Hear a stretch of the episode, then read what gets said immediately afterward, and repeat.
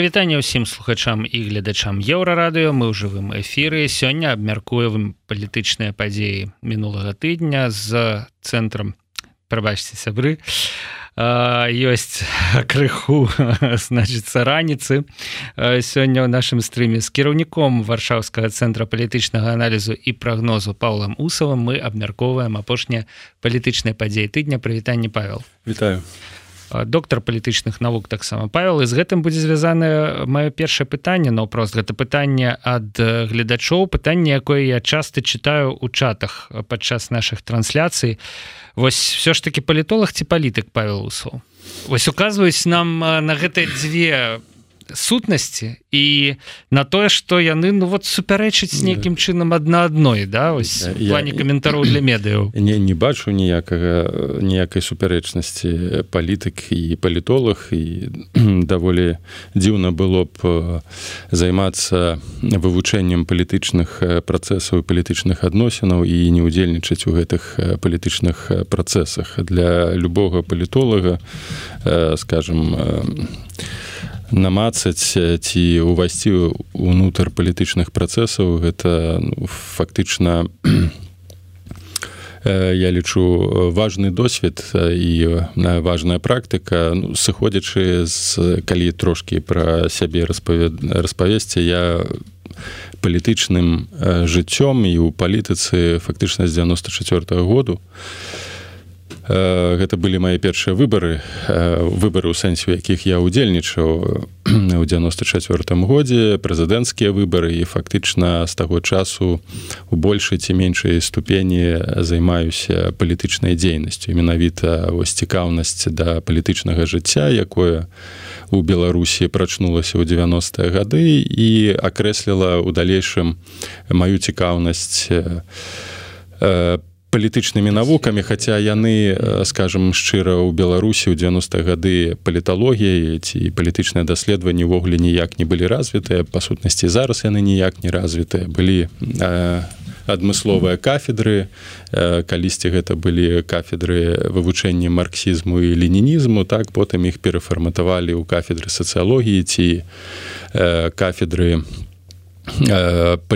паліталогіі хаця гэта умоўна агульныя былі веды ніколі такой спецыялізацыі асабліва ў рэгіянальных універсітэтах не было. Адзіны універсітэт у беларусі які меў магчымасць сістэмнага выкладання палітычных навук. Гэта быў пДУ дзе ў 90 гады была нават створана такая даволі моцная школа і кафедра паліталогіі але так ці інакш факультэта асобнага паліталогіі ніколі не было. Альбо ён быў пад правазнаўствам так і тыя хто скончваў у беларусі э, вось гэты факультэт атрымоўваў адначасова две спецыялізацыі палітолог і юрыст праўнік так. І потым гэта была кафедра пад э, факультэтам філасофіі то бок у нас па сутнасці не сфарміравалася моцнай паліталагічнай школы ў беларусі а зараз асабліва ў перыяд існавання рэжыма лукашенко то паліталогія сталася выключна элементам абслугоўвання ідэалогіі Таму э, асабліва зараз у 20 пасля два году э, я думаю что ну ніхто з тых хто намагаўся умоўна трымаць дыстанцыю быць панад барацьбой сёння так ці інакш уключаны ў палітычныя працэсы. Альбо кансультуюць офіс или кабінет ну альбо крытыкуюць офісы кабінет так? І таму для фарміравання грамадскай супольнасці ну неабходна просто каб людзі хаця якія маюць тэарэтычна тэарэтычны досвед частку практычнага досведу каб яны удзельнічалі ў гэтых працэсах хто будзе будаваць краіну хто будзе фарміраваць дэмакратычную сістэму калі тыя хто ведаюць умоўна у тэорыі як працуе дэмакрата як фарміруюцца дэмакратычныя сістэмы як функцыянуюць і павінны функцыянаваць палітычныя партыі будуць просто сядзець э, і глядзець звонку і просто пісаць нейкія там аналітычныя тэксты. Я лічу што любы грамадзянин у неважна якая ў яго там спецыялізацыя ці ён палітолог ці ён там лекар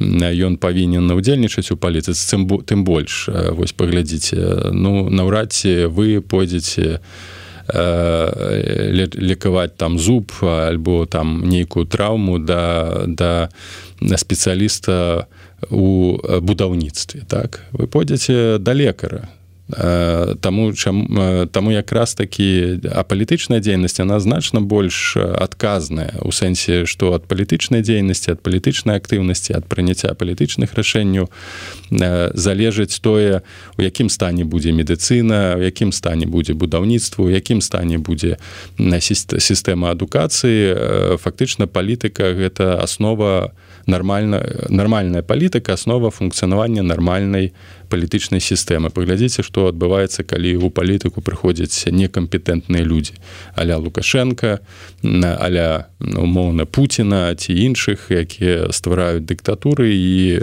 фактычна пераўтвараюць краіны у жудасныя монстры тое што мы адчулі на сябе ў двадцатым не толькі ў двадцатым пасля 94 -го года Ну Павел Я думаю што ўсё ж таки для нашай аўдыторыі гэта якраз пытанне ангажаванасці да вось вы кажаце што не ангажаваных няма что усе хто пазіцыянуюць сябе як палітычныя аглядальнікі палітычныя аналітыкі каментатары яны ўсё роўна так ці інакш займаюць той ці іншы бок. Але я тут з вами не пагаджуся да? Напрыклад там Сергей чалы які дазваляе сабе нахлабучваць і тым і гэтым і гэтым да. Ён канешне не палітолог але палітычныя каментары да ну, марцом шра ласкоўскі там карбалевич да. Вось гэтыя людзі яны ў прынцыпе ну, ну няма акцэнта нейкага да які яны вось у сваім пазіцыянаванні ну, робяць. па-першае гэта іх выбор так асабісты кожнага чалавека. По-другое шмат хто з гэтых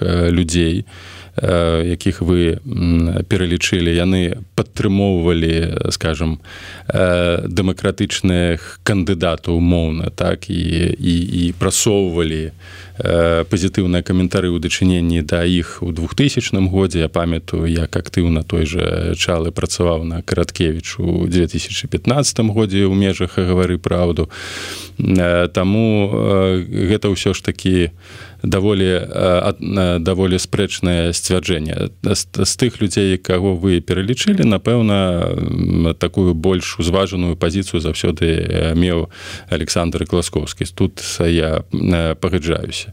Ну я лічу што гэта скажем у дадзенай сітуацыі ягонай выбар але напрыклад калі ў беларусі пачнуцца перамены ці адбудуцца перамены у бліжэйшы час бо я не не ўпэўнены у тым што яны адбудуцца ў бліжэйшы час. Напэўна такія людзі як александр класкоўскі увойдуць напрыклад у функцыянаванне дэмакратычных сміць і сістэмы медыяльнай беларускай ці будуць экспертамі ці будуць дарадцамі у новым урадзе дэмакратычным. Бо без апоры на прафесійных людзей ну гэтая сістэма ніколі не будзе працаваць. І таму я лічу што сидзець і не удзельнічаць у працэсах падтрымкі функцыянавання нармальнай дзяржавы гэта немагчыма ну, тым больш што александр класкоўскі не сядзіць скажем так у яго ёсць палітычны выбор ён выбраў дэмакратычны лагер. Не, ну,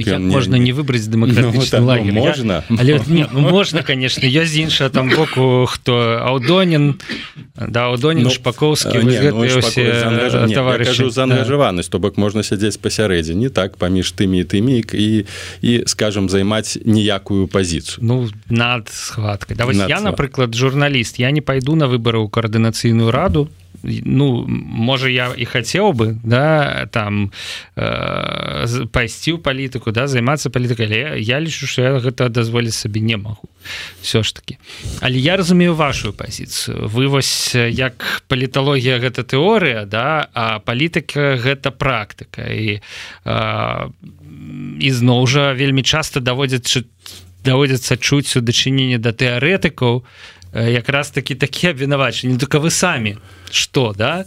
Вось парады выдаваць гаразды да? Паспрабуйце самі нешта зрабіце. Ну і напрыклад палітолог калі можа нешта зрабіць у палітычным поле пагадзіцеся что гэта сведчыць пра яго кампетэнтнасці пра абгрунтаванасць ягоных падыходаў. Гэта я уже гледачоў заклікаю пагадзіцца а не вас натуральна. Вось думаю что ну павел адказаў на пытанне і думаю что ўсё ж таки абгрунтаваў сваё право сядзець у нашай студыі і каментаваць палітычныя падзеі ну, не ведаю як... што яшчэ трэба абгрунтоваць сядзець ну, гледачы яго ставяць под сумнеў менавіта таму я гледачы маюць права ставіць под сумнеў кожнага хто тут прыходзіць і кожны робяць гэта вось так на раз да. Павел вы ўжо сказалі что по бліжэйшы час наўрад ці прынясе нам перамены. Вось так мімаходам у гэтым адказе. Я хацеў бы тут да вынікаў года крыху перайсці. Вы па выніках года больш аптыміст ці песіміст да вось на вашу думку куды мы?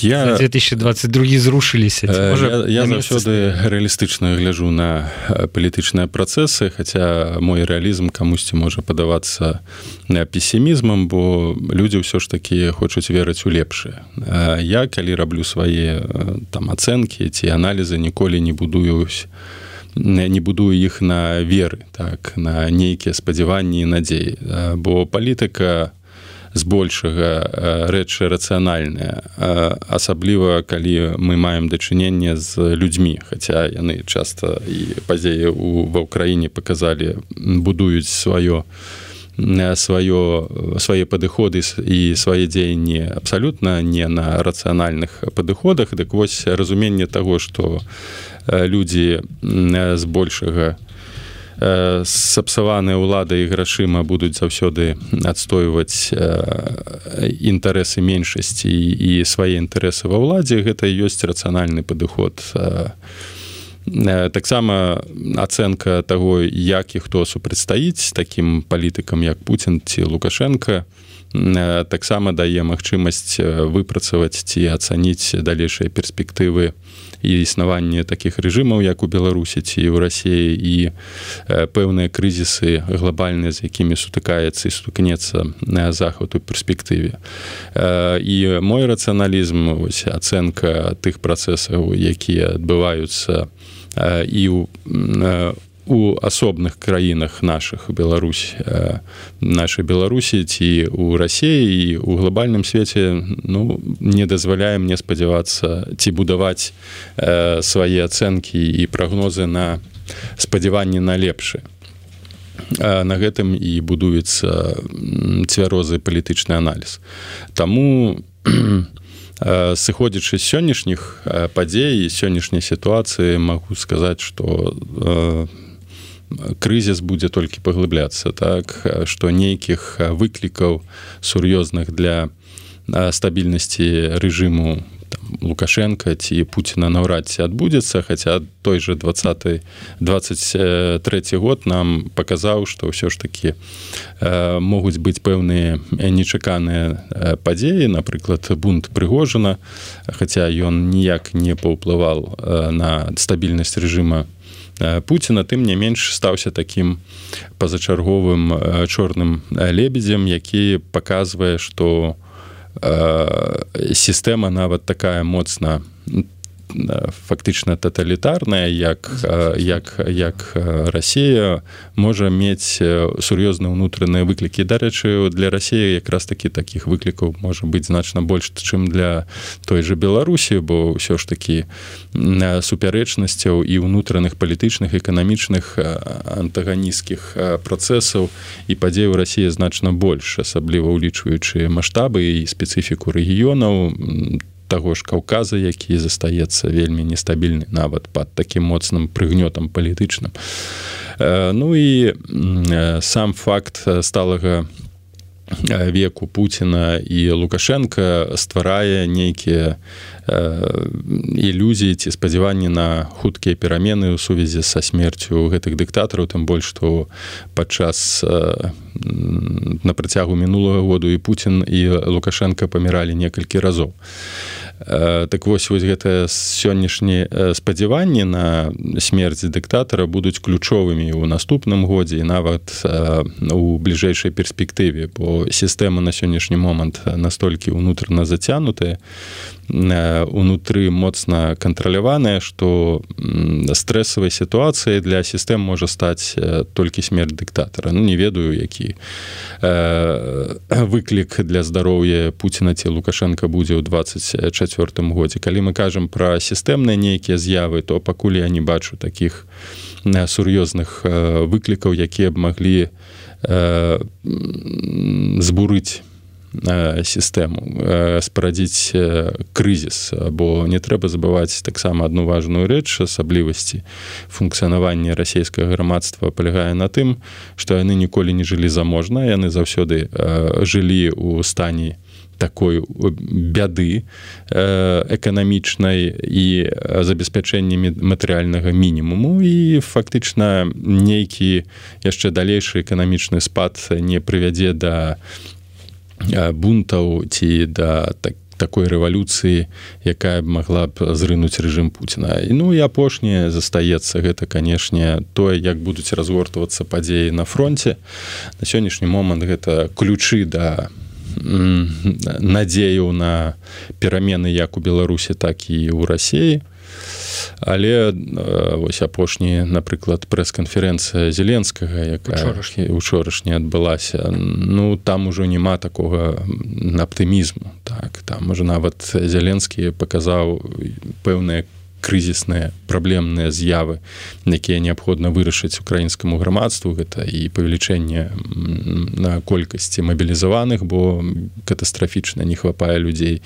Гэта і дапамога фінансавая з боку захаду хаця яна паволі паволі нарошчваецца і ўсё ж такі застаецца на стабільным узроўні але ніякія грошы не вернуць людзей і э, людскі кадравы патэнцыял э, вайсковы патэнцыял для ўкраіны гэта перша першапачатковая асноўная задача. На рассія перад гэтым гэтай праблемы ніколі стаяць не будзе ну калі мы параўноўваем патэнцыял людскі украіны і рассія нам можа кінуць у пекла вайны там некалькі мільёнаў і нічога у рассіі не зварушыцца так заўсёды было. а Ну і на жаль з гэтай праблемай канешне Украіна застаецца сам насам ніхто у аспекце людскіх рэсурсаў ёй не дапаможа адзінае што можа прапанаваць і зрабіць захад. Это ну зразумела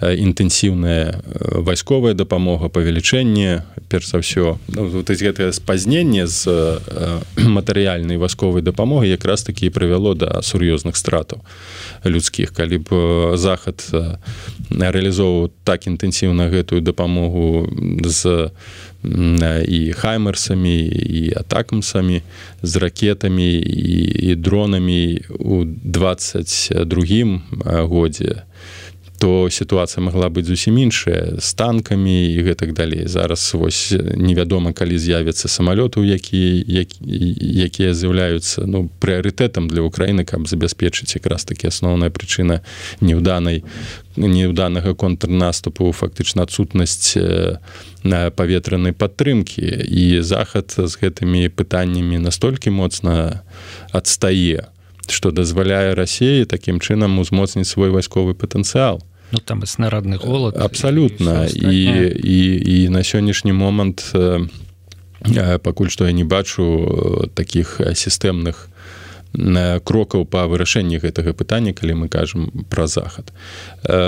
І напэўна калі мы кажам пра такія глобальныя ўжо аспекты на гэта выбары так у злучаных штатах Амерыкі 24 год хаця сёння там нейкі вышэйшы суд штату каларада забараніў трамп удзельнічаць у выбарах. Это такі першы прэцэдэнт хіба у гісторыі да, першы раз. Восьось ну цікава як ну хіба у каларада ён і не будзе удзельнічаць у выбарах але цікава як будуць дзейнічаць іншыя штаты. Ну але гэта прэцэдэнт і можа спрадзіць унутраны ну не ведаю крызіс ці канфлікт канфронтацыю унутры злучаных штатаў улічваючыцыдэнтнае права абсолютно. Штаты могуць просто э, таму канешне вось тое як пройдзе кампанія выбачы ў ЗША хто стане прэзідэнтам будзе залежаць той расклад святовай геапалітыкі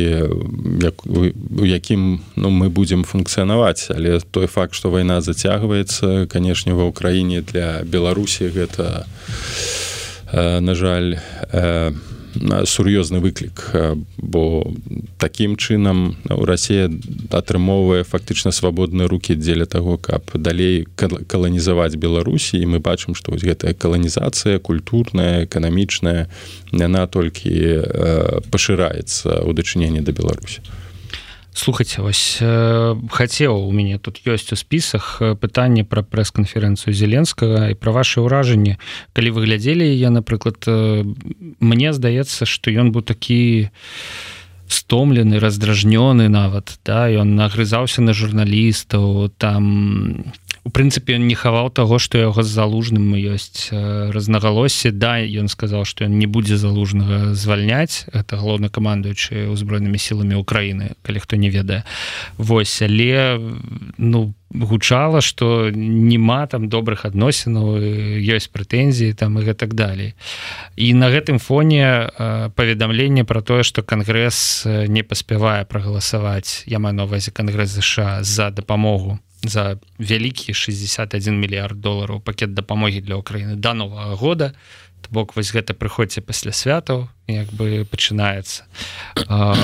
І у каментарах вось чытач слухач глядач наш Масім піша галоўны палітычны вынікода гэта тое што Украіна на парозе паразы ў вайне і далей тут про тое что беларусам трэба ну, я вайрам тут ужо я скажу так что да. такой ну паразы у сэнсе намаляваў тэрыторыі так не будзе Украіна не прайграе вайну у сэнсе капітуляцыі так. Але для Украіны параза гэта пачатак нейкіх там перамоваў вось гэтым статусе так ну то захопленых тэрыторый то бок пер, першапачатковай канцэпт і мэты контрнаступлення украінскага у летку гэтага году было якраз такі ну выхад да азовскага мора фактычна разарванне вось гэтых лагістычных шляхоў магчыма вызваленне Марыуполя там бердзянскай гэтак далей ну канешне я ўжо сказаў якія асноўныя недахопы праблемы і пралікі тое што ізнову не захад быў не ў стане ацаніць патэнцыял рускіх што яны фактычна закідалі украіну супраць супрацьпехотнымі і супрацьтанкавымі мінамі там палі на некалькі ў глыбіню некалькі кіламетраў шырыню некалькі кіламетраў і памятаеце гэты дзіўныя рэкамендацыі нямецкіх інструктараў што рабіць з мінным полем яго аб'ехаць. Ну і фактычна паглядзіце гэта і казаў і залужны гэта і казаў зеленскі.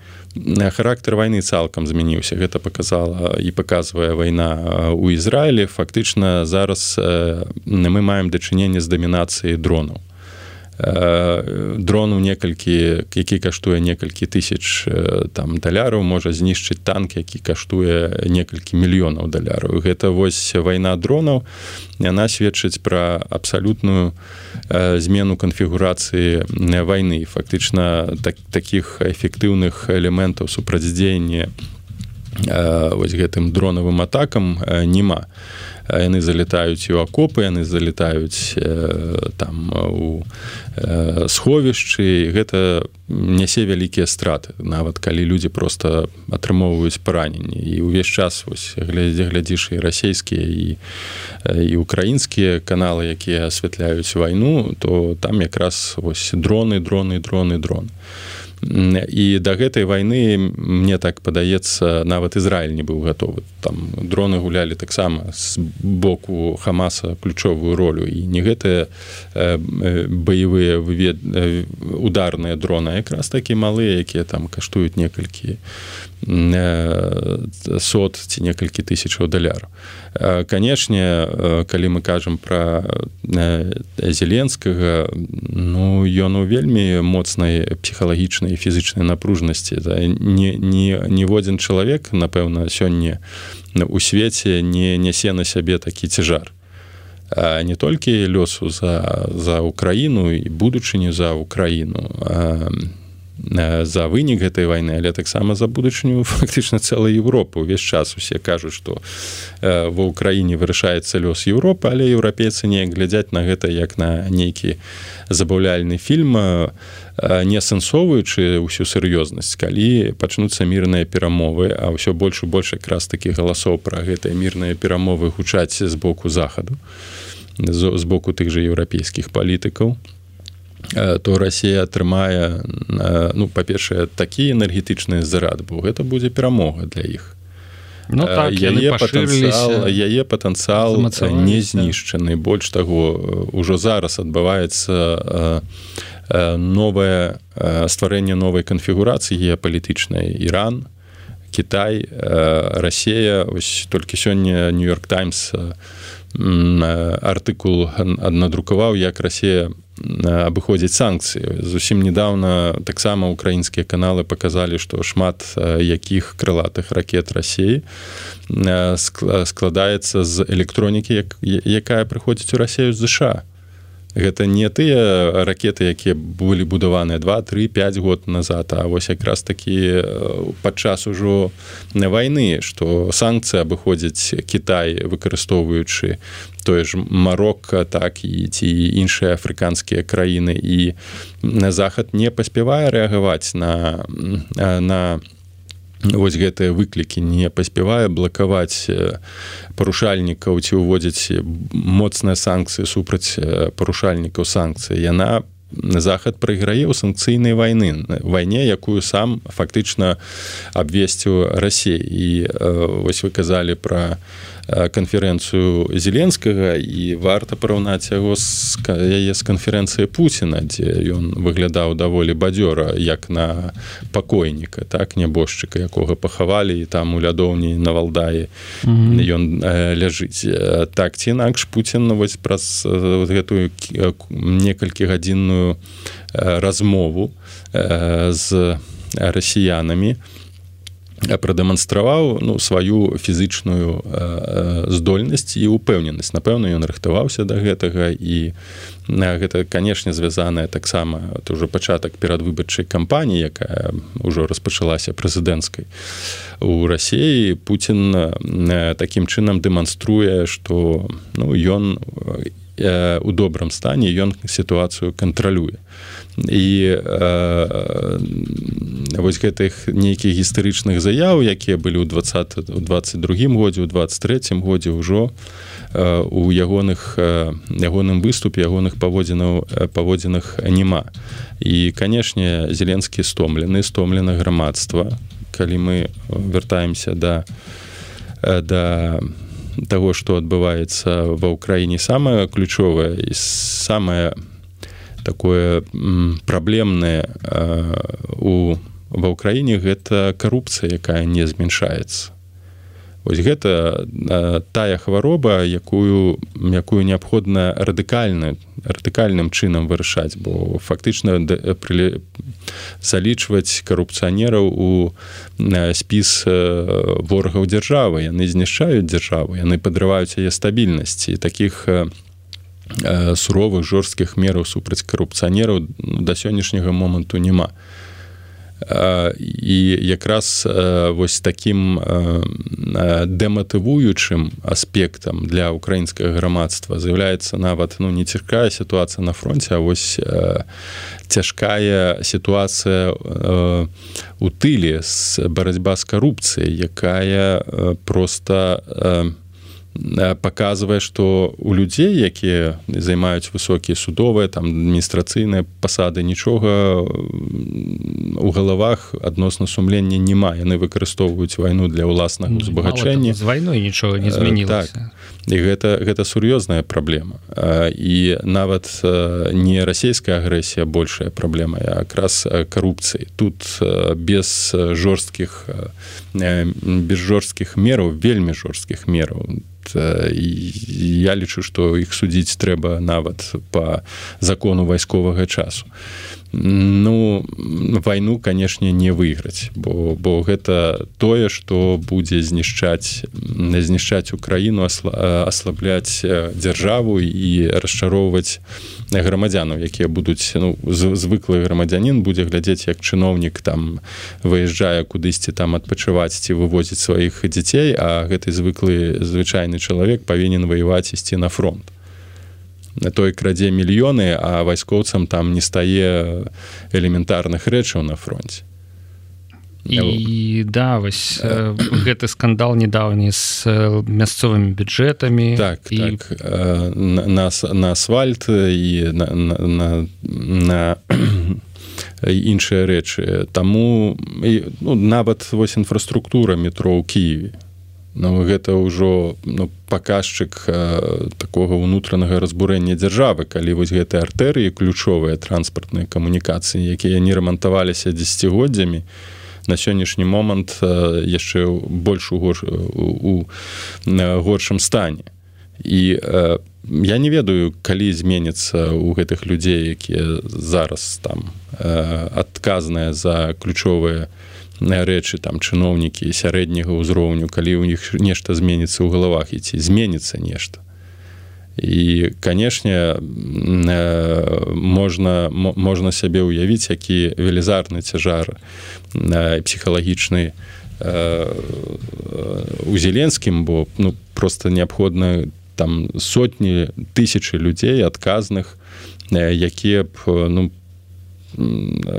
камуна кажучы калі нават зеленскі шчыры ён шчыра выступае перад заходнімі палітыкамі яны яму вераць прапануюць дапамогу далей вось пачынаецца гэтая гісторыя з карупцыяй і імідж украіны ўласна якую зеленскі прадстаўляе абсолютно псуецца ну, і жаданне дапамагаць робіцца менш і так далее і так далее. Гэта таксама расчаровае ну тым больш што у заходніх сМ таксама гэтай праблеме звяртаецца увага. Я не хочу тут даваць ніякія там рэкамендацыі адносна таго што можна было б там зрабіць у краіне ну але скліканне нейкага такога універсальнага антыкарупцыйнага камітэту з удзелам тых жа служб еўрапейскіх ці амерыканскіх таго ж ФБР дзеля барацьбы змагання з з карупцыі ва ўкраіне як праявай гібриднай экспансіі гібридных уплываў рассеі мне лічыцца неабходна бо ўсё ж такі патрэбна шмат часу каб у нармальным становішчы Украіна у Украіна аздаравілася ад гэтых гэтай карупцыйнай культуры. Ну але я кажу што гэта ўжо вырашаць украінскім уладам як далей з гэтай праблемай з гэтай праблемай змагацца. Слухаць ну у нас ёсць іншы прыклад змагара з карупцыяй які за 30 гадоў як вы ўжо згадвалі 94 да карупцыйная справа антыкарупцыйны даклад на якім фактычна чалавек уехаў у прэзідэнцкае крэсла да.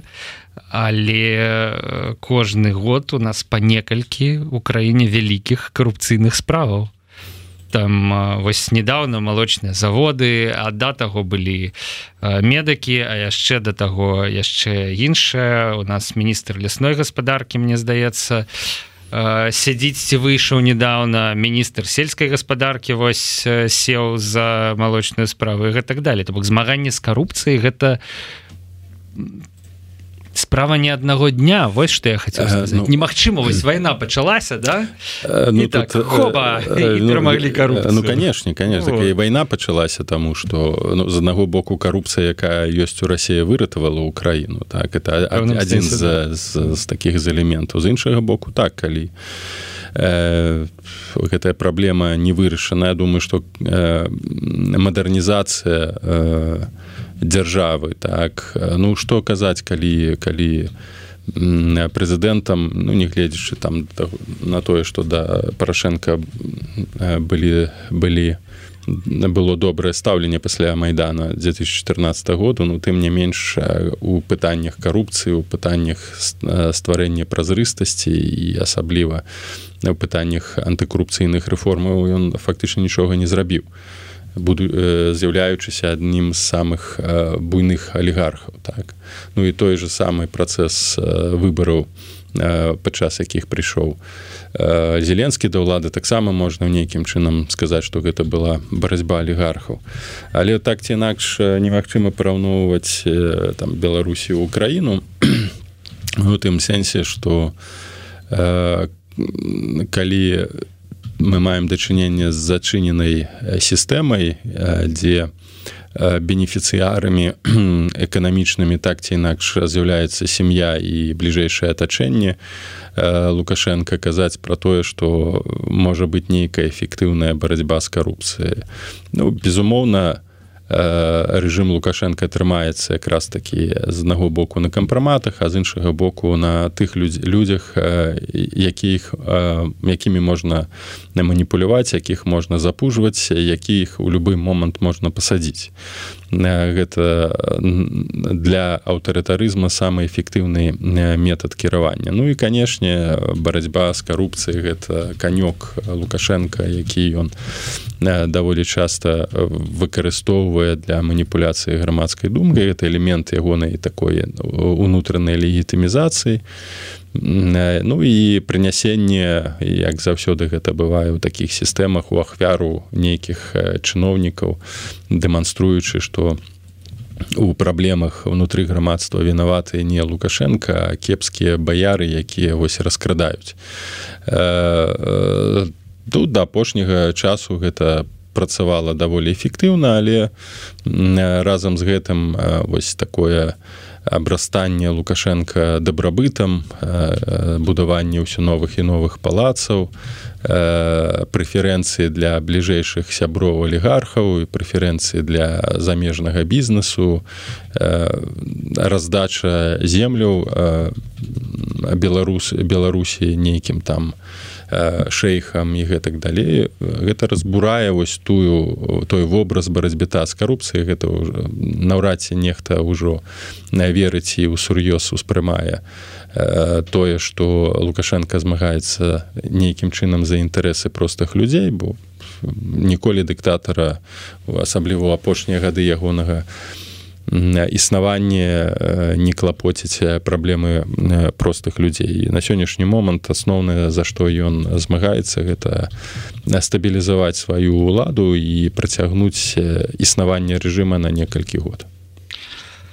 Тэму карупцыі давайте закрыем бо ў прынцыпе даўно даволі мы яе абмяркоўваем ужо хопіць на сёння але не хацеў бы закрываць тэму лукашэнкі які вось як і кожны год да таго як і год таму сёння віншуе кДбэшнікаў с днём там спецслужбіста неяк вось так вось ён по календары дакладна называется павел які сэнс у гэтых вось рытуальных віншаваннях? Няўжо у гэтай сістэме дагэтуль вас працуюць людзі якім вось 20 снежня это вот вот наш день да это вот калі вот нас не павіншуюць там сверху нешта поломается здарыцца у свядомасці э, значится наступны год пойдзе на перекасяках и так это вот так вот працуе дагэтуль беларусі ну любой сістэмы у аўтарытарных сістэмах у прыватнасці рытуалы маюць вельмі важное значэнне. Пакуль гэтыя рытуалы існуюць і пакуль іх дзяржава ў стане падтрымліваць а людзі ў стане выконваць адбываецца ну скажем так реалізуецца эфектыўнасць эфектыўнасць сістэмы гэта паказчык эфектыўнасці сістэмы канешне для лукашенко ягонага атачэння івогуле для сістэмы ў цэлым вельмі важна каб такія структуры як кДб ці мус ці іншыя яны актыўна уключаліся ў гэтыя рытуалы іх падтрымлівалі бо гэта забяспечвае стабільнасць. Больш таго гэта канешне праз гэта лукашенко паказвае што абавязаны кДбэшнікам ён гэта падкрэслівае. Ён абавязаны тым што захаваўся гэты рэжым ён захаваўся пры ўладзе. Таму наколь неважна ці вераць людзі ў гэтыя рытуалы ці не вераць у у сённяшніх умовах важна што яны існуюць і што сістэма здольная гэтыя рытуалы падтрымліваць. Як напрыклад і выбары яны ж іх жа няма. Гэта выключна рытуал. Але адмовіцца ад выбараў лукашенко не можа. Не ад выбараў у мясцовыя саветы не ад выбараў у нацыянальны сход сабрання не ад гэтага квазі новага палітычнага органа як усе беларускія народны сход. Гэта выключна яны маюць рытуальную функцыю нясуць але для сістэмы якая больш не мае ніякіх іншых механізмаў унутранай легітымізацыі нават сам працэс выбараў не легітымізуе лукашенко гэты рэжым тым не менш рытуал і функцыянаванне гэтага рытуалу мае у вельмі важное значение нават дэмакратычная супольнасць якая лічыць что выборы у беларусі няма что яны нелегітымныя.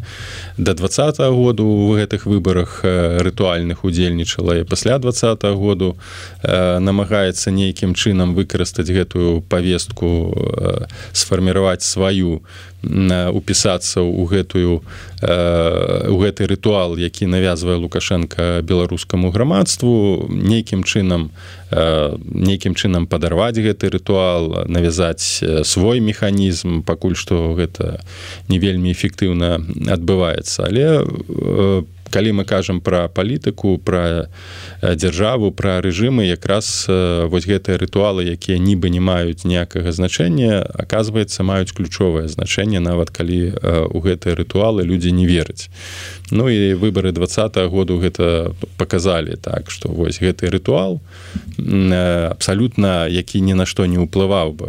Вынік вядомы быў для большасці тых хто займаўся палітыкі палітыкай вядомы але для людзей якія не разумелі ні сутнасць гэтага рытуалу не тое як арганізоўваюцца выбары гэта была магчымасць нейкім чынам аказаць уплыў на на сістэму яго гэты ўплыў быў аказаны і канешне яшчэ раз падкрэслю што у закрытых зачыне закрытых рэжымаў рытуалы гэта аснова у працэса легітымізацыі і дэманстрацыі таго што сістэма трымае палітычны кантроль і уплывае на тыя ці іншыя працэсы можа іх арганізаваць вось калі яна ўжо не ў стане арганізаваць рытуалы вось калі б лукашенко нават адмовіўся бы ад выбараў якія нічога не вырашаюць гэта б ужо пазначала што у крызіс настолькі сістэмны глыбокі што дыктатар баіцца любых нават рытуальных выбарчых кампаній якія могуць нашкодзіць. Таму як мы бачым усе крамя напэўна можа там паўночнай карэй усе аўтарытарныя сістэмы абапіраюцца на рытуалы і выкарыстоўваюць іх для ўнутранай легітымізацыі. Бок тут такі сімвалізм выбарамі по лукашенко показвае что быццам бы у беларусі ёсць так. дэмакратычныя працэсы а віншаваннямі показвае что быццам бы для яго вельмі важна ён паважае і захоўваецца ну, вось ён вось мне да. лукашенко будзе выступаць з віншаваннямі якія маюць навагоднія якія маюць выключна рытуальную форму не маюць ніякага умоўна для большасці значэння тым не менш усе будуць каментаваць усе будуць глядзець усе будуць аналізаваць. І вось з аднаго боку ніхто не прызнае лукашенко легітымным кіраўніком будуць аналізаваць і будуць да. рабіць вынікі ці ён быў стомлены ці ён там якім кантэксце і што казаў Таму рытуалы для сістэмы ну і для вонкавага свету маюць важнае значэнне бо пры дапамозе рытуалаў мы можемм ацэньваць ацэньваць стан ну сістэмы стан мыслення стан здароўя дыктатара ці гэтак далей таму вось гэтай прамовы і віншаванні маюць для разумення того што адбываецца ў краіне вельмі важное значэнне. Дарэчы вось прыклад таго як развівалася саветалогія ці крыміналогія крэмліналогія так у злучаных штатах Амерыкі калі у саветолагі амерыканскія вывучалі што адбываецца ў палітбюроці і ў зачыненай сістэме праз вытрымкі з газеты Праўда ці праз здымкі хто якую пасаду займае на маўзалеі Леніна ці адбылася там змена падчас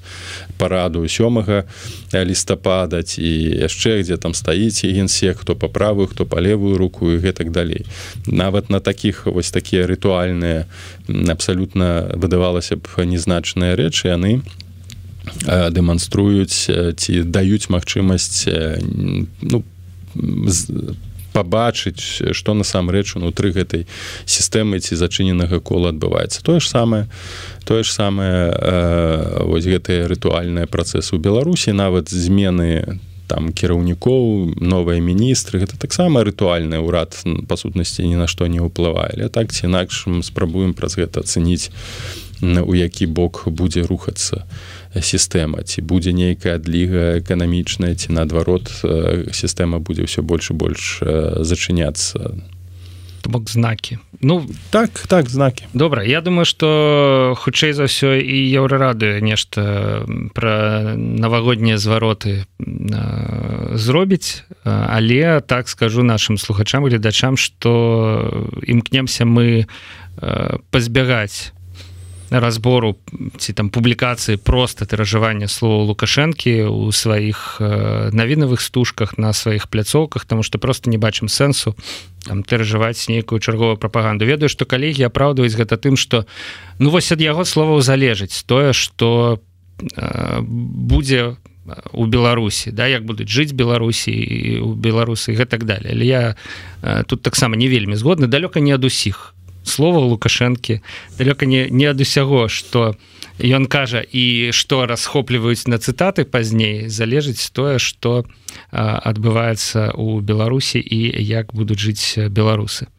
Е что сказаць павел ці чакаеце пытання добра у нас два яшчэ. Направду мы ўжо даволі даўно у стрыме але два пытання мы мусім разабраць яшчэ. Першае что там у літве да вось можна сфарміраваць гэтае пытанне сфармуляваць вельмі проста але тут ёсць канкрэтная падзея валерый кавалеўскі наколькі я памятаю дарацы Светланы ціхановскай по міжнародных справах. Наколькі я памятаю удзельнік аб'яднанага пераходнага кабінета з'ехаў з літвы і даў такія на гэты конт даволі супярэчлівыя каментары маўляў нейкія пытанні з дазволам на жыхарства сапраўды ёсць але яго ад'езд гэта супадзенне. По маўляў прайшло три гады ў вільні гэта звычайны тэрмін для дыпламата у адной э, сталіцы. Ну, дыпламата якой краіны? Ну дыпламат вось ён э, да гэта уже пытанне только дыпламат былым бываеце не бывае да дыпламат якой краіны. Что вось гэтая гісторыя з ліцвінізмам як яна развіваецца гэта ўсё ж такі просто палітычныя гульні перад выбарамі ці за імі стаяць нейкія рэальныя намеры уразіць беларусаў у правах. І вось нават да там валеры кавалеўскага у якога здаецца мусіла быць як это профессор перабражэнскі хал броня да вот такая паперка что вот все прям адвяжыцеся адведзіце ў бок. Вось ён вымушаны перабірацца з вільні ў варшаву. Я не ведаю там якія праблемы могуць быць з легалізацыяй мне падаецца что яго там нават амерыканскі пашпарт а не беларускі ён даволі доўгі час жыве ў злучаных штатах Амерыкі але я не бяруся нічога сцвярджаць думаю что праблема можа быць зусім у іншым справа тым что ну офіс ціхановска пасля двадцатого году быў кропкай прыцягнення фактычна кожны імкнуўся паехаць у літву з аднаго боку каб у Э, прапанаваць свой досвед на карысць беларусы бо там лічылася што ёсць цэнтр прыняцця рашэнняў і што неабходна нейкім чынам уладкавацца менавіта у вільні. Больш таго для ну, людзей вядомых было зразумела што неабходна знаходзіцца у бліжэйшым атачэнні ціхановскай каб нейкім чынам уплываць фарміраваць яе светапогляд нейкім чынам по праз падтрымку для яе прасоўваць свае ідэі у патрэбным накірунку э, э, і непасрэдна ну, удзельнічаць у працэсе прыняцця рашэнняў. Таму калі мы паглядзім першы год там двадцаты год фактычна ўсе з'язджалі на пачатак у вільню. Там быў і павел латушка і пракопію і іншыя прадстаўнікі новай апазіцыі і ад штаба бабарыка. Ну, то бок все гэта быў упершыню упершыню хіба вільня сталася таким цэнтрам палітыкі беларускай ну, з 90 гадоў. не, не, з 90 з 90 бо ўсё ж такі калі адбываліся распад расійскай імперыі там была засяроджана беларуская культурная эліта таксама у вільні. Вільня разглядалася як цэнтр і палітычнага жыцця беларусі у тым ліку. Адкуль усе гэтыя праблемы з літвінізмам бяруцца? Mm. паступова там склалася вяртаючыся до два -го году вузкае кола людзей у атачэнні ціхановскай якое фактычна ізалявала хутчэй за ўсё Светлану ціхановскую ад знешняга свету. Склалася група фаварытаў як якім яна безумоўна давярае і якія фарміруюць яе адносіны да тых людзей якія прыходзяць альбо нейтралізуюць іх уплывы і вось гэтая барацьба за ўплыву на ціхановскую яна доўжылася там некалькі год. Першым хто гэтую барацьбу прайграў як мне так падаецца быў павел латушка які пераехаў сюды і сфарміраваў свой цэнтр по палітычных пераезд у варшаву азначае так. проигрыш. Я лічу что так. Гэта азначае что гэта... бо ну з таго что я ведаю канфронтацыя і такая барацьба ўнутры відава і палітычная у атачэнні ціхановскай на жаль была вельмі моцна гэта адна з прычын таго крызісу якім апынулася апозіцыя ключовыя постаці якія там як мне падаецца тотальна ўплываюць на ціхановскую. Гэта нават не, не тыя людзі з якімі яна уключылася ў барацьбу там з фонда краіны для жыцця яны дарэчы таксама пераехалі у варшаву. Блізкія людзі з яго з яе атачэння там працэсу выбарчага яны былі адціснутыя цалкам. Ну і фактычна ключовыя фігуры якія на сённяшні момант у вось стварылі гэтую гэты мур гэта дабравольскі гэта вечорка ў нейкім сэнсе лебедзька красуліна Мачыма некалькі яшчэ іншых асобаў і вось гэтым у гэтым супрацьстаянні канешне ўжо немагчыма нейкім чынам рэалізаваць сваё бачанне ці нават супрацу персанальную з Светланай ціхановскай як кажуць атачэнне робіць караля так вось гэты фаварытызм канешне які быў патрэбны для Светланы якая нічога не разумела ў палітыцы павінна была бы апірацца на, на не, нейкіх людзей давяраць ім. Ну, але гэта аказалася праблемай у перспектыве. І ўсе гэтыя скандалы далейшыя з якімі мелі дачыненне яны сведчаць што фактычна вось гэтае кола яно у вырашае ключовыя праблемы і праблемы развіцця структур праблемы там прыняцця рашэнняў. Нават наколькі я ведаю Светлана там слаба ў гэтым працэсе нават на сённяшні дзень удзельнічае. Думаю что гэта была адна з прычын чаму кавалеўскі які з'яўляецца даволі амбітным чалавекам інтэлектуалам у сэнсе дасведчаным і значна больш у у сэнсе ведаў фундаментальны чалавек чым франак вячорка так ці ці ці дабравольскі. Ён больш кампетэнтны і больш дасведчаны з улікам тых пасадаў дзе ён там працаваў. І безумоўна як чалавеку амбітнаму які выбраў працаваць з ціхановскай замест таго каб працаваць на даволі даволі добра на аплочваемай э, працы вось быць на другіх ралях э, не вельмі прыемна асабліва на другіх ралях у параўнанню з людзьмі якія нічога не дасягнулі. Не франак вячорка не не дабравольскі не гледчы там на нейкія добрыя вельмі праекты якія грамадзянскія ён робіць у сэнсе кар'еры у сэнсе у сэнсе сацыяльнага ліфту ён у атачэнні ну, ціхановскай быў адзін з на, на самых высокіх пазіцыяў той же самы такая ж самая праблема і з палом латушка ну чалавек які меў умоўны умоўна досвед функцыянавання ўнутры дзяржавы з досведам з разуменнем таксама не можа быць і не хацеў быць на другіх ралях. Ён амбітны гэта зразумела. І вось гэты амбіт людзі з амбіцыямі ну аказаліся непатрэбныя. Іх веданні аказаліся там непатрэбныя нейкія у нжошнікі раптоўна пачалі ўплываць і фактычна сканцэнтравалі ўсю поўніцу ўплыва ў сваіх руках і раздаюць карты. І вось гэтае расчараванне оно будзе нарастаць, улічваючы, што людзі інвеставалі ў ціхановскую свае перспектывы. А зараз разумеюць, што гэтыя інвестыцыі яны нічога не даюць яны губляюць. І гэтыя візіты Мачыма не там думаю что там сустрэчы да пэўнага моманту могуць могуць задавольваць вось кампенсаваць гэтыя гэтыя страты. Але што далей пытанне? Что далей з гэтым?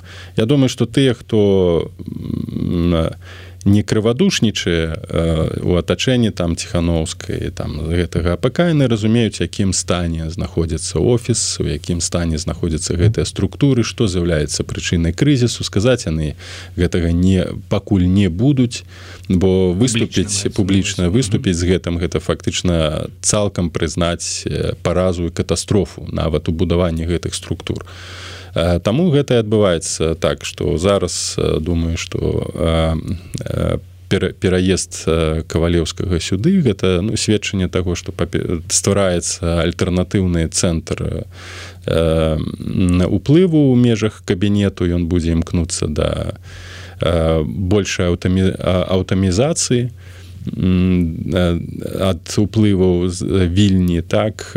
Думаю что таксама людям якія працавалі там у атачэнні ціхановскай Мачыма не падабаецца роля якую гуляюць і палітыкі літоўскія ва ўплывах на офіс ціхановскай сувязі пэўных людзей з літоўскімі палітыкамі. Дарэчы вось гэтай інтрыгі і выкарыстанне літоўскіх палітыкаў літоўскі ўрад для унутранай спрэчак так да да нейтралізацыі ворагаў таксама таксама ну як было скарыч так? Таксама вельмі непрыемныя рэчы таксама варта прыгадаць што менавіта з атачэння ціхановскай людзі пэўныя намагаліся выкарыстаць літоўскіх палітыкаў каб дыскрэдытаваць зенона пазняка каб не дазволіць ему выступаць сустракацца з людзьмі. Я прыгадываю гэта адбылося ў лютым гэтага году. І на жаль вось гэтыя інтрыгі яны думаю што вельмі хутка цалкам знішчыць знішчаць тыя структуры і людзі ўсё больш больш будуць расчароўвацца. Ну, ну, гэта моя гіпотэза адносна чаму валерка валеўскі вырашыў выехаць з літвы. Ну это важное пытанне і гіпотэза ізноў жа цалкам мае права на існаванне. Не буду тут каментаваць бо ізноў жа ўжо маль гадзіну мы. Другое пытанне гэта вось даволі дзіўная на мою думку ініцыятыва про петыцыя пра расфарміраванне каардынацыйнай рады. Пададзеная за там два месяцы до таго як каардынацыйная рада ў прынцыпе сама по сабе мусіць спыніць існаванне нават менш у гэтым складзе да? І на фоне таго что нейкі прарасійскі ўплыў там сфарміравалася нейкая прарасійская коаліцыя якая спрабуе ізноў жа не каардынацыйную раду падмяць. Что вы думаете про гэта? Ну і на гэтым уже скончым сённяшні па-першае думаю что гэта задача журналістаў разобрацца ху ісху ну, Рас, раскапаць спрабавалі і разумеецца что ўсё не так адназначна. Так, ну вот ёсць як бы такія сляды ёсць якія там ёсць такія ну, скажем так але вот давайте, давайте пачнем з таго что э, вось гэты прарасійскі след ён же цягнецца з двадцатого году фактычна тыя людзі якія э, мелі пра пуцінаўскія пазіцыі умоўна нават светапогляд расійскі яны ж увайшлі ў склад вось гэтага новага рушання ды 20 до 22 года э, прарасейскасць э, не было э, не, не, не было стыгмай так? І зараз так, гэтая прарасейск так не, не гэта не дават не хавалася гэта нават падкрэслівалася. І шмат тых хто стаяў на расійскіх пазіцыях до 22 году яны ўвайшлі ў гэтыя новыя структуры апозіцыйныя і, і фактычна складалі частку новых рухаў. і толькі перамены адбыліся там умоўна не ведаюце гэта мімікрыя ці насамрэч адбылася там трансфармацыя свядомасці яны сталі э, больш пранацыянальныя прынамсі ў сваіх выказваннях у сваіх паводзінах але гэты шлейф пра расійскасці ён за э, ён жа заставаўся нікуды не дзеўся вы капніце любога амаль новага палітыка і там такі шлейф і такія следы з'явяцца сувязяў і бізнеса і палітычных сувязяў з рассіі нават по памятаеце там ось на гэтай канферэнцыі у э, Киеве манько задалі пытанне пра ягоныя сувязі там з расійскімі бізнесоўцамі так? Таму тут э, альбо павінна быць абсалютная пюрыфікацыя апозіцыі усіх хто мае шлейф там ад э, сахашчыка э, да да да по палітыкаў якія былі звязаныя з бабарыкай пасля два -го году павінны цалкам сысці ў нябыт і застацца толькі тыя хто з 94 умоўна году быў стаяў на нацыянальных нацыянальных пазіцыях. То бок трэба вычысціць прыбраць добровольскага лябедзьку красуліны якой быў пашпарт там расійскі так. Ну, ну хто гэта будзе рабіць? Ніхто не будзе гэтага рабіць. Таму у гэты шлейф ён безумоўна будзе бо нацыянальна арыентаваная група людзей якая базавалася фарміравалася на фундаментальных нацыянальных прынцыпах яна не такая вялікая на жаль пытанне другое ці гэтыя людзі насамрэч трансфармаваліся ці засталіся з пры сувязях пры пры пры гэтым шлейфе і працягваюць быць часткай нейкіх гібридных уплываў. Вось, гэта трэба высвятляць зараз. Другі момант так чаму гэтая петыцыя петыцыя з'явілася? Ну гэта інтрыгі знову мы вяртаемся до таго з чаго мы пачалі. Гэтая вайна і за ўплывы за намаганне кантраляваць кантраляваць каардынацыйную раду. Мачыма нават заткнуць рот тым хто крытычна ставіцца да офіса да да кабінета бо яна сталася трыбунай таких крытычных заўваг нават да палітыкі санкцыі апошнім часам усё больш і больш гучаць галасы про тое што нейкім чынам трэба шукаць каналы да ўладаў каб выцягваць людзей бо перспектыва вызвалення палітычных вязняў вельмі марная і іншых механізмаў няма. то і канешне вось гэтая альтэрнатыўная парадыгма якая агучана каардынацыйнай рады яна супярэчыць той пазіцыі якая выпрацавана і апк і ціхановскай офісам. Санкцыі санкцыі яшчэ раз санкцыі Хаця відавочна, што санкцыі не будуць ніякім чынам спрыяць вызваленню палітычных вязняў. Гэта трэба разумець, але змена парадыгмы для офіса і для кабінета яна вельмі небяспечна. Таксама як і небяспечна існаванне двух наратываў двух падыходаў, бо заходнікі тады не разумеюць, що ж нам рабіць, гэта заўсёды было. Каардынацыйная рада, якую мы прызнаем, кажа, не трэба санкцыі, трэба дамаўляцца. А ціхановская кажа, што трэба санкцыі. Вось як тут разабрацца з улікам таго што еўрапейцы увогуле не, не схільныя да разумення таго што адбываецца ў беларусі і вакол беларусі яны ім патрэбны канкрэтны вось на паперкі канкрэтны адказ і пажадана ў двух сказах. Таму канешне спроба асабліва калі вось гэты прывід крызіса ўсё больш і больш будзе нарастаць трэба мабілізаваць канцэнтраваць ресурсы ў адным у адных руках там падпарадкаваць умоўна офісу каардынацыйную раду. І магчыма вось гэтыя петыцыі яны з аднаго боку ставяць на мэце цалкам дыскрэдытаваць каардынацыйную раду бо дыскрэдытацыя каардынацыйнай рады ну таксама яна для офіса не патрэбна. Бо гэта пляцоўка для таго каб каб у з'яўляліся новыя публічныя дзечы якія праз вось гэты удзел у каардынацыйнай радзе становятся но, да? новымі новымі нейкімі публічнымі постацямі так якіх раней не было вось та нават тая ж там як бы не была стаўленне да там да жываглот так вось она раптоўна стала намесніцай там кіраўніка каардынацыйнай рады хаця ніколі у палітычнай публічнай прасторы не прысутнічала. І так презрительно казалі нгошніца. Ну я нават не нгошніцы ж яна ж не не не была до два -го года ніякіх арганізацый. Камерцыйных. Так таму гэта канешне з'яўленне новых людзей ну актыўных. Гэта размывае вось той вобраз што ёсць толькі адзін непадзельны лідар і іншых не можа з'явіцца асабліва калі з'яўляецца калектыўны орган такі як каардынацыйная рад.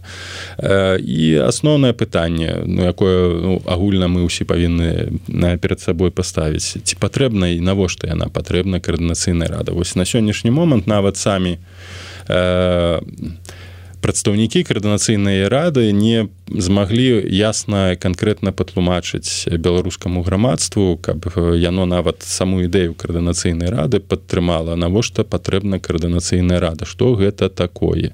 Вось гэта зараз гэтае тлумачэнне што гэта ну ква, э, спроба фарміравання парламентарнай культуры ва ўмовах тэрору унутранаму гэта смешна нікому не патрэбна. Гэтае тлумачэнне яны маглі працаваць яшчэ там у 21 годзе до 22 -го году зараз трэба канкрэтнае практычнае тлумачэнне навошта гэтая каардынацыйная рада патрэбна. Як мне падаецца гэта асноўная э, тлумачэнні якія павінны пачуць беларусы у беларусі навошта каардынацыйная рада? Яна павінна гучаць так дзеля аздараўлення апозіцыі для таго каб з'яўляліся новыя палітычныя лідары для палітычнага кантролю за працэсамі які ідуць у на апозіцыйных структурах для барацьбы з карупцыйнымі з'явамі. І гэтак далей. Вось такія практычныя рэчы якія б маглі даць на беларусам для у беларусі перш за ўсё для зразумення что так гэта патрэбны механізм.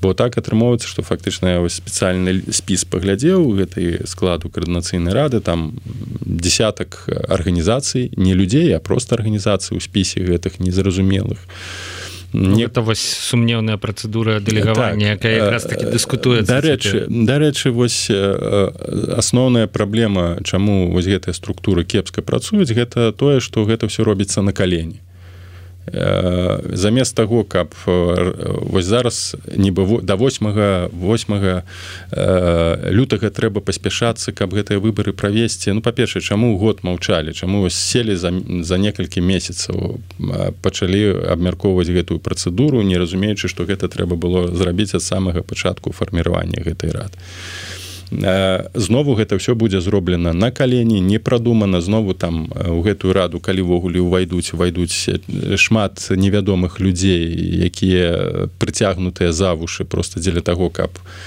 інтрыганы маглі атрымаць магчымасць туды ўвайсці. І знову гэта будзе дэскрэдытацыя бо фільтраў для таго каб туды не увайшлі аферысты просто няма і іх ніхто не стварае. і таксама як з гэтым кабінетам адбылося. Ўсё было на калені бо гэта было прысвечана там канферэнцыі замест таго каб сесть грунтоўна абмеркаваць каб это максімальна было празрыста каб максімальна было прадстаўніча каб максімальна карысталася аўтарытэтам. Пакуль будзе такі падыход як-небудзь будзе і мы ўсё зробім у апошні момант і на калені ну нічога гэта тады працаваць нармальна не будзе. Ну і канешне у сам працэс вось гэтай унутранай канфронтацыі адсутнасць дыскусіі я лічу што вось якраз такі дыскусія і высвятленне пазіцыі каб гэтыя людзі прыйшлі ў эфіры і патлумачылі што там адбываецца на канкрэтных фактах.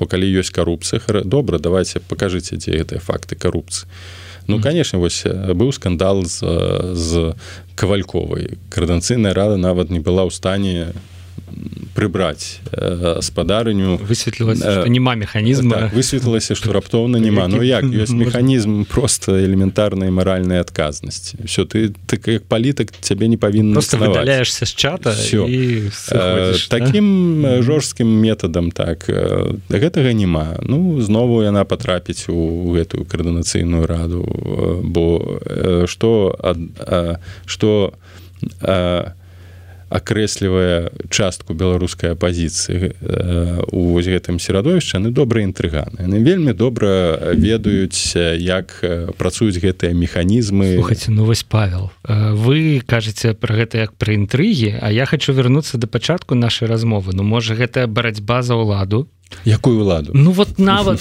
у, ну вот за за тое каб ну добры но ну, у кожнага свая песочница і вот на версе гэтай пірамідкі з песку. вот все ж таки быць на версе ну, не ўнізе да?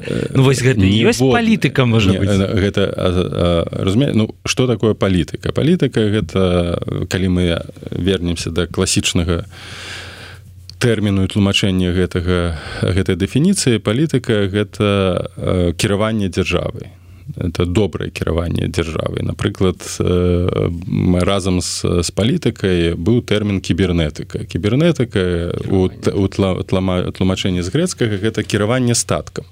Дзяржава гэта статак. І апозіцыя гэта на сённяшні момант гэта ну невялікі статак але статак які альбо ну, прыплаве альбо прыплыве у новую беларусі будзе кіраваць у новай беларусі адпаведна і адказна альбо патоніць. Пакуль мы бачым што ўсё больш і больш адбываецца шчаліны вода прыбывае і статак гэтай тоні. Усе спробы намёкі наўпроставая крытыка што трэба змяняць трэба праводзіць нейкія рэформы пакуль яшчэ не позна перафарматаваць дзейнасць апозіцыі яны праносяцца мімо ушэй бо людзі лічаць што схапілі вось лёс удачу за за хвост іх запрашаюць там да байдена да, да там да кангрэсу і все і на і вось гэта іх паталок яны лічаць што ўсё добра.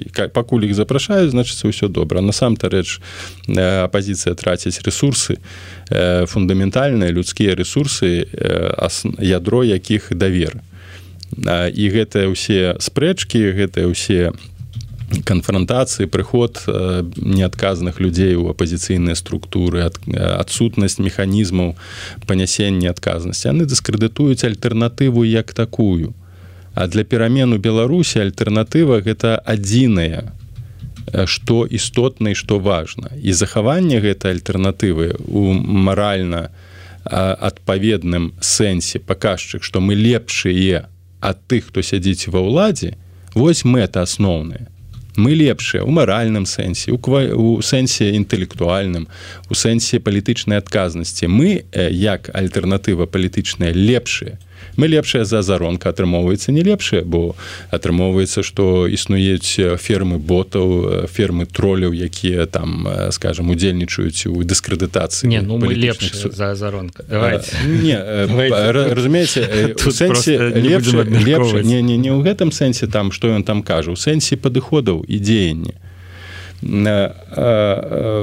далей у сэнсе палітычнай адказнасці у сэнсе нават функцыянавання гэтых структур квазідэмакратычных ці протадэмакратычных атрымоўваецца што няма ні празрыстасці ні адказнасці. І альтэрнатыва як добры вобраз будучыні яна раскладаецца яна знішчаецца. І асноўная задача якраз такі дэмакратычнай супольнасці было б захаванне вось гэтай прыцягальнасці альтэрнатывы як такой якая паступова на жаль губляе сваю прываблівасць. Прогнозы павла усова яго ацэнкі мне здаецца песімістычныя але сам ён называе іх рэалістычнымі і ў прынцыпе у гэтым ёсць э, нейкі баланс нейкае рацыянальна зерно. Наша з вами справа шаноўныя слухачы і гледачы цяпер пераварыць сказанае все ж таки палітолагам палам усавым і зрабіць свае высновы выкарыстоўваючы уласнае крытычнае мысленне. Я думаю что гэта будзе для ўсіх карысна. Таму хочу падзякаваць нашаму сённяшняму гостю. Павел Дякую за ацэнкі за аналіз. і нагадаць усім зараз я ўжо адкрыю каб не збіцца дакладна что кіраўнік варшаўскага цэнтру палітычнага аналізу і прагнозу доктар палітычных навук павел усаў быў сёння я яшчэ калі дазволіць хвілінку я хочу павіншаваць слухачоў з надыходзячымі святамі раства. Няхай гэтыя святы дзе бы не знаходзіліся будуць усё ж такі добрымі і прыемнымі. Дякую вялікі павел. Спадзяюся што у гэтыя цёмныя часы такія святы все ж таки дадуць нам магчымасць неяк адпачыць ад паўсядзённасці і неяк павярнуцца хаця б на нейкі кароткі перыяд да святла і знайсці крыху для сябе аптымізму. Да пабачэння. Да пабачэння шаноўныя слухачы гледачы